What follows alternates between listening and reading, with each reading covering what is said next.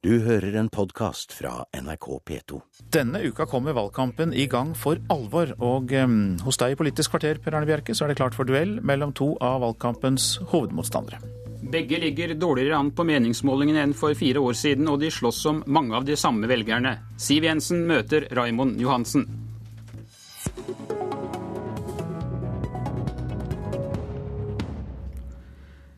Sekretær i Arbeiderpartiet Raimond Johansen, i går ettermiddag hadde Arbeiderpartitoppene kickoff valgkampen hjemme i hagen din i Groruddalen. Fem uker før valgdagen ligger det an til et solid borgerlig flertall. Hvorfor tror du at velgerne har sviktet dere? For det første så eh, vil jeg være veldig tydelig på å si at det er kun én måling som betyr noe, og den er den som skal være 9.9. september. en tredjedel av velgerne bestemmer seg helt på slutten av valgkampen kanskje siste uka. Jo, Men dere ligger jo dårlig an. Hvorfor tror dere det er slik?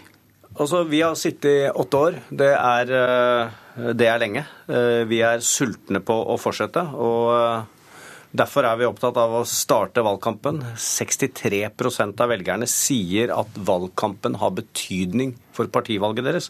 Det er mye som står på spill, og vi, vi er klare, og ingenting er avgjort. Leder i Fremskrittspartiet, Siv Jensen, tror du egentlig at velgerne ønsker så veldig store forandringer når du ser den velferden som omgir oss? Det er veldig mye som er bra i Norge, og det tror jeg alle politiske partier er enige om. Men så er det noen grunnleggende ting vi har ansvar for å løse. Det handler om eh, helse, eldreomsorg, det handler om veibygging, det handler om kriminalitetsbekjempelse. Det handler om trygghet i hverdagen. Og her har regjeringen sviktet, og jeg tror det er en av grunnene til at eh, deres popularitet faller. Jens Stoltenberg lovet 12 000 nye sykehjemsplasser. De har klart å bygge knappe 2000. De lovet å gjøre noe med helsekøene. De har blitt lenger. Ventetidene har økt. De lovet å avskaffe fattigdommen. Det har blitt flere fattige barn i Norge under denne regjeringen, for å nevne tre eksempler. Eh, løftebrudd tror jeg ikke velgerne har særlig mye til overs for.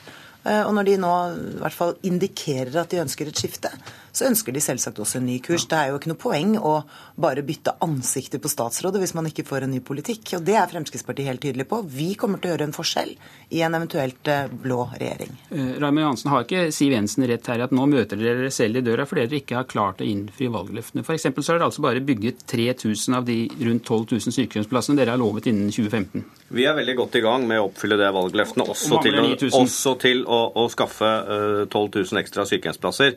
Når det gjelder eldreomsorgen, så er jo det et av uh, hovedsatsingsområder for, uh, for regjeringen. Uh, la oss ta utgangspunkt bare her i Oslo f.eks. Så er det sånn at 80% av de eldre aldri kommer på sykehjem. Det å ha et helhetlig eldreomsorgstilbud er helt avgjørende viktig for oss.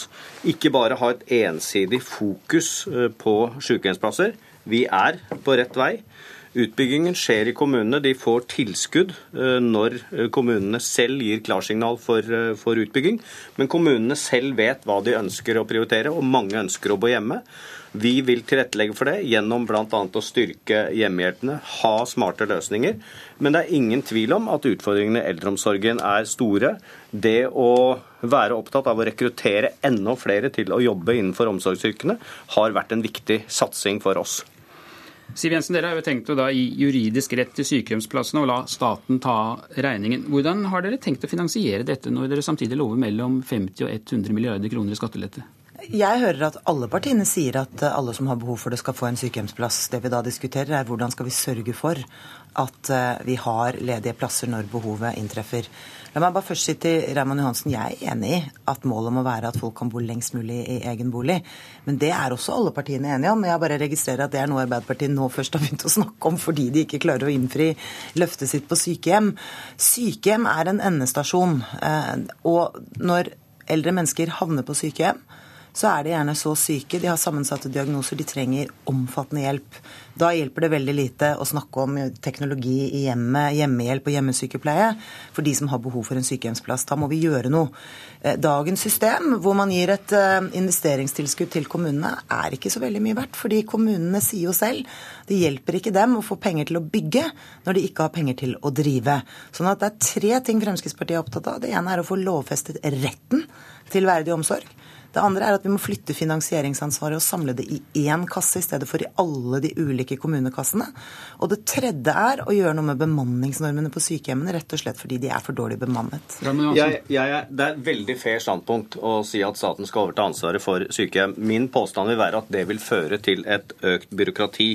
Det vil bli mer regel, mer normstyrt, og det vil bli mindre fleksibilitet. Kommunene har den største og beste kunnskapen om de behovene de eldre har i hver enkelt kommune. Og det å ha en god kommuneøkonomi er jo også en forutsetning for å eh, tilby de eldre en god og verdig eldreomsorg.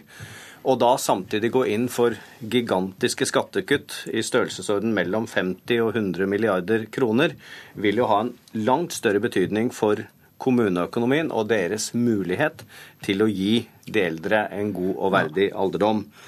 Det å ha en eh, statlig refusjonsordning som dere legger opp til, det betyr at liksom man skal bevise eh, hvor stort omsorgsbehovet er, hvor tunge pasienten er, og så gi penger eh, til til, til, hver enkelt eh, sykehjem i etterkant, vil føre til eh, telling og et ytterligere byråkrati. Og det er ikke ja. brukerne tjent med. Siv Jensen, du svarte jo ikke helt på spørsmålet mitt i stad. Hvor skal dere skaffe pengene når dere samtidig går ut og lover gigantiske skattelettelser? Jeg tror jeg skal minne om at norsk økonomi vokser hvert eneste år. Og det er jo ikke sånn at det å la folk beholde litt mer av sine egne inntekter ikke handler om velferd. Det handler om at langt flere familier Eh, klarer å betale regningene sine, klarer å gå med et lite overskudd. Jo, men nå snakker vi om eldreomsorgen. Nei, nei, fordi at velferd handler om mye mer. Det handler om det offentliges evne til å tilby velferdstjenester på vegne av fellesskapet. Det handler like mye om vår egen selvstendige evne til å klare familieøkonomien og betale skattene og avgiftene i Norge er høye. Det er en grunn til at stadig flere mennesker handler i utlandet i stedet for i Norge. Jo, men Hva mener du egentlig? Mener du da at private, at folk selv skal betale for eldreomsorgen? For at de beholder mer selv? Nei, eh, eldreomsorgen skal være et offentlig finansiert ansvar. Det er det også i dag. Det vi ser på, er hvordan skal vi organisere dette sånn at vi får bort de uverdige køene. Nå tror jeg at bevisbyrden skal ligge hos dem som har holdt fast i dagens system gjennom mange tiår. Det er grunnen til at vi har store lokale forskjeller, at det oppstår uverdige forhold både i blå og rød styrte kommuner. Eh, vi må samle ansvaret ett sted, og Raymond Johansen tar feil. Det blir ikke mer byråkrati. Vi har planer om å lage akkurat det samme systemet som vi har for utbetaling av arbeidsledighetstrygd, sykepenger, mm. pensjoner osv., som er en rettighet som følger den enkelte i det øyeblikket. Det utløses en rettighet hos deg og meg så vil du få innfridd behovet ditt. Ja, men, må si Siv Jensen slipper veldig billig når hun uh, Og svaret på hvorfor de skal ha gigantiske skattekutt på mellom 50 og 100 milliarder. Før så lå det nærmere 100 milliarder, nå sier de kanskje at det ligger nærmere 50 milliarder og sier at det går godt i Norge og norsk økonomi vokser. Derfor kan man kutte i 100 milliarder kroners-klassen. Eh, det betyr jo at kommunene vil få mindre. Vi vil prioritere oppussing av, eh, av 1000 skoler. Vi vil gi 4000 mm. lærere etterutdanning. Vi vil styrke eldreomsorgen. Vi vil bruke pengene på det. Vi vil ikke bruke det på skattekutt til de som har mye fra før av. Og det er et realt standpunkt. Men da må de være tydelige på hvor de ønsker å kutte for å gi disse store skattekuttene. Og når det gjelder eldreomsorgen, noe av den viktigste og store utfordringen vi nå har foran oss, det er å klare å rekruttere til omsorgsyrkene. Vi ser at vi i løpet av fem-seks år vil bli mange, mange flere eldre. Da er det viktig å jobbe på lag med de ansatte og motivere flere til å ta en utdanning innenfor omsorgsyrkene. Og eh, da er det viktig å gi dem en skikkelig lønn, ha gode og forutsigbare pensjonsvilkår, og samtidig bringe de inn sånn at mm. deres kunnskap kommer de eldre best til rette ved at eh, de har, har den kunnskapen. Eh, for å ta en av de utfordringene du kom med, Raymond Hansen. Siv Jensen, hvor vil dere kutte for å finansiere disse løftene dere kommer med? Vi vil f.eks.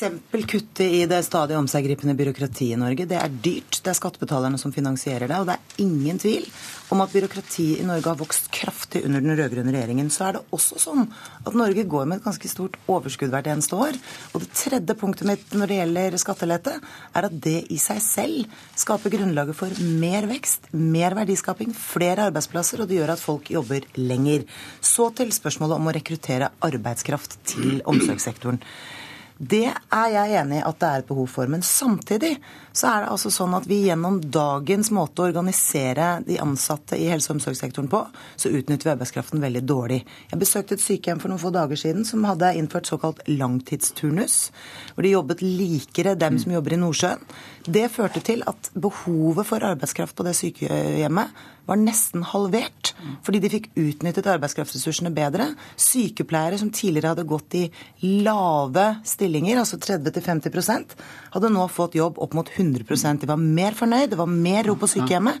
Dette er et system vi må innføre på alle landets sykehjem. Er det ikke et problem Ramme Hansen, dere ikke vil endre et eneste komma i arbeidsmiljøloven? Altså, det, dette har jo ingenting med arbeidsmiljøloven. Det å finne smarte løsninger. Man finner smarte løsninger i uh, Odalen, man kan finne smarte løsninger i Oslo. Uh, og det vil vi oppfordre veldig sterkt til at det skjer. Og når vi nå er inne på byråkrati, og når vi snakker om byråkrati innenfor helsesektoren, så slår jo en OECD-rapport eh, fast at eh, vi har den laveste byråkratiet innenfor omsorgsyrkene. 0,8% av de som jobber innenfor helsevesenet. Gjennomsnittet i OECD er 3% Og min påstand, og Siv Jensen slår også fast det, at innenfor eh, helse så ønsker jo de å øke antall merkantile ansatte. Og det kan være eh, sikkert gode grunner for å gjøre det, men byråkratiet og prosentvise delen av de som da jobber innenfor helse, vil da eh, byråkratitallet vil, vil, vil øke. Men, men, men, men igjen ja, Siv Jensen få svare kort på det. Ja, altså Sykehuslegene i Norge bruker nesten halvparten av tiden sin ikke på å operere og behandle pasienter. De bruker det på papirflytting, på byråkrati, på administrasjon. Og det er en ganske meningsløs bruk av en velkvalifisert lege som egentlig burde stått inne på operasjonsbordet for å bidra til at helsekøen gikk ned. Så til dette med arbeidsmiljølov og endret turnus. Det er altså sånn i dag at skal et sykehjem endre turnusen, så må de ha godkjennelse hos fagforeningen, ikke bare én gang, men hvert eneste år. Det er en ganske meningsløs måte å organisere ja, det på. fordi det vi burde sørge for at vi fikk et sånt system permanent ved alle landets sykehjem. Da må jeg si takk til dere to. Denne debatten får vi ta videre i neste program. Eh, politisk kommentator i eh, NRK Trine Eilertsen. Fremskrittspartiet og Arbeiderpartiet de skal møte hverandre en rekke ganger i valgkampen. Også dueller som partiene selv arrangerer. Hvor stor gjensidig nytte har disse to partiene av hverandre? Det er veldig nyttig for, eh, for de, og Vi skal høre formuleringen eh, flere ganger, og den lyder omtrent som nå.